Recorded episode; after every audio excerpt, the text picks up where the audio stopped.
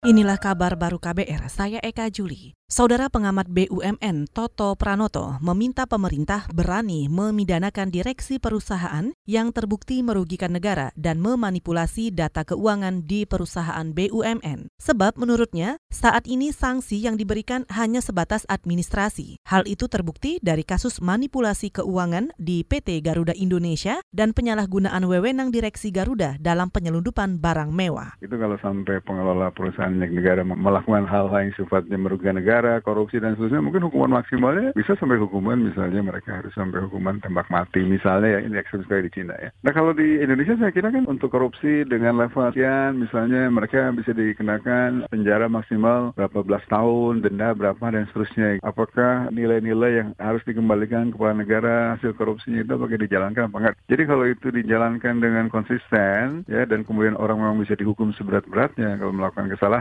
maka itu saya kira efek jerahnya akan terasa. Gitu. Pengamat Pengamat BUMN Toto Pranoto juga menambahkan, sistem pengawasan di BUMN buruk. Menurutnya, tidak hanya di internal, sistem pengawasan dari lembaga pemerintah lainnya untuk Kementerian BUMN juga tidak berjalan dengan baik. Toto menyarankan pengawasan yang berlapis lintas sektor ini dapat meminimalkan pelanggaran di perusahaan BUMN. Kita ke bursa saham. Indeks harga saham gabungan atau IHSG dibuka menguat pada pembukaan perdagangan pagi ini. Laporan selengkapnya disampaikan jurnalis KBR Astri Yuwanasari. Saudara indeks harga saham gabungan IHSG di Bursa Efek Indonesia Senin 13 Januari 2020 dibuka menguat 12,97 poin atau 0,21 persen ke posisi 6.287,91.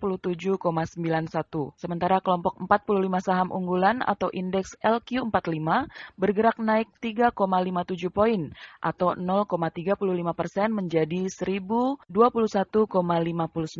Sementara bursa saham Asia pada perdagangan pagi ini masih cenderung bervariasi karena investor menunggu penandatanganan kesepakatan perdagangan fase pertama antara Amerika Serikat dan China. Bursa saham Shanghai bergerak di zona merah terkoreksi 0,21 persen. Bursa Hong Kong menguat 0,4 persen. Lalu di Korea Selatan, Kospi naik tipis 0,12 persen dan Bursa Singapura menguat 0, 0,22 persen.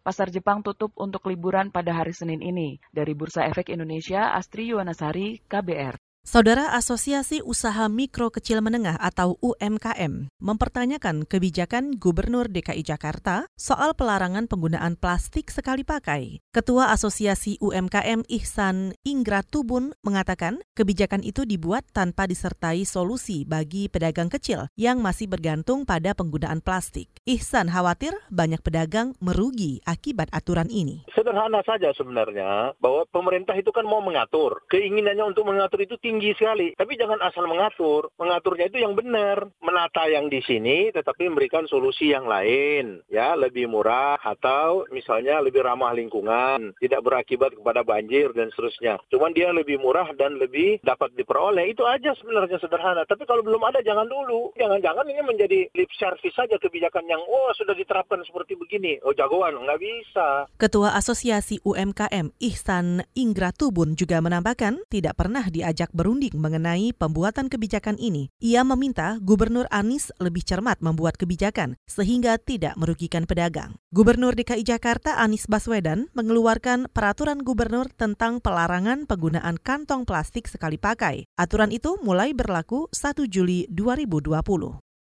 Kita ke informasi olahraga. Turnamen badminton Indonesia Masters 2020 bakal digelar di Istora Senayan, Jakarta mulai 14 hingga 19 Januari mendatang. Harga tiket Indonesia Masters termurah dibanderol Rp50.000 untuk hari pertama gelaran. Sedangkan tiket termahal Indonesia Masters 2020 untuk kategori VIP pada partai final akan dijual Rp600.000. Indonesia Masters 2020 merupakan rangkaian turnamen BWF World Tour Super Level level 500 yang bakal diikuti pebulu tangkis top dunia. Turnamen ini sekaligus merupakan bagian dari pengumpulan poin untuk menuju Olimpiade 2020 Tokyo. Saudara demikian kabar baru, saya Eka Juli.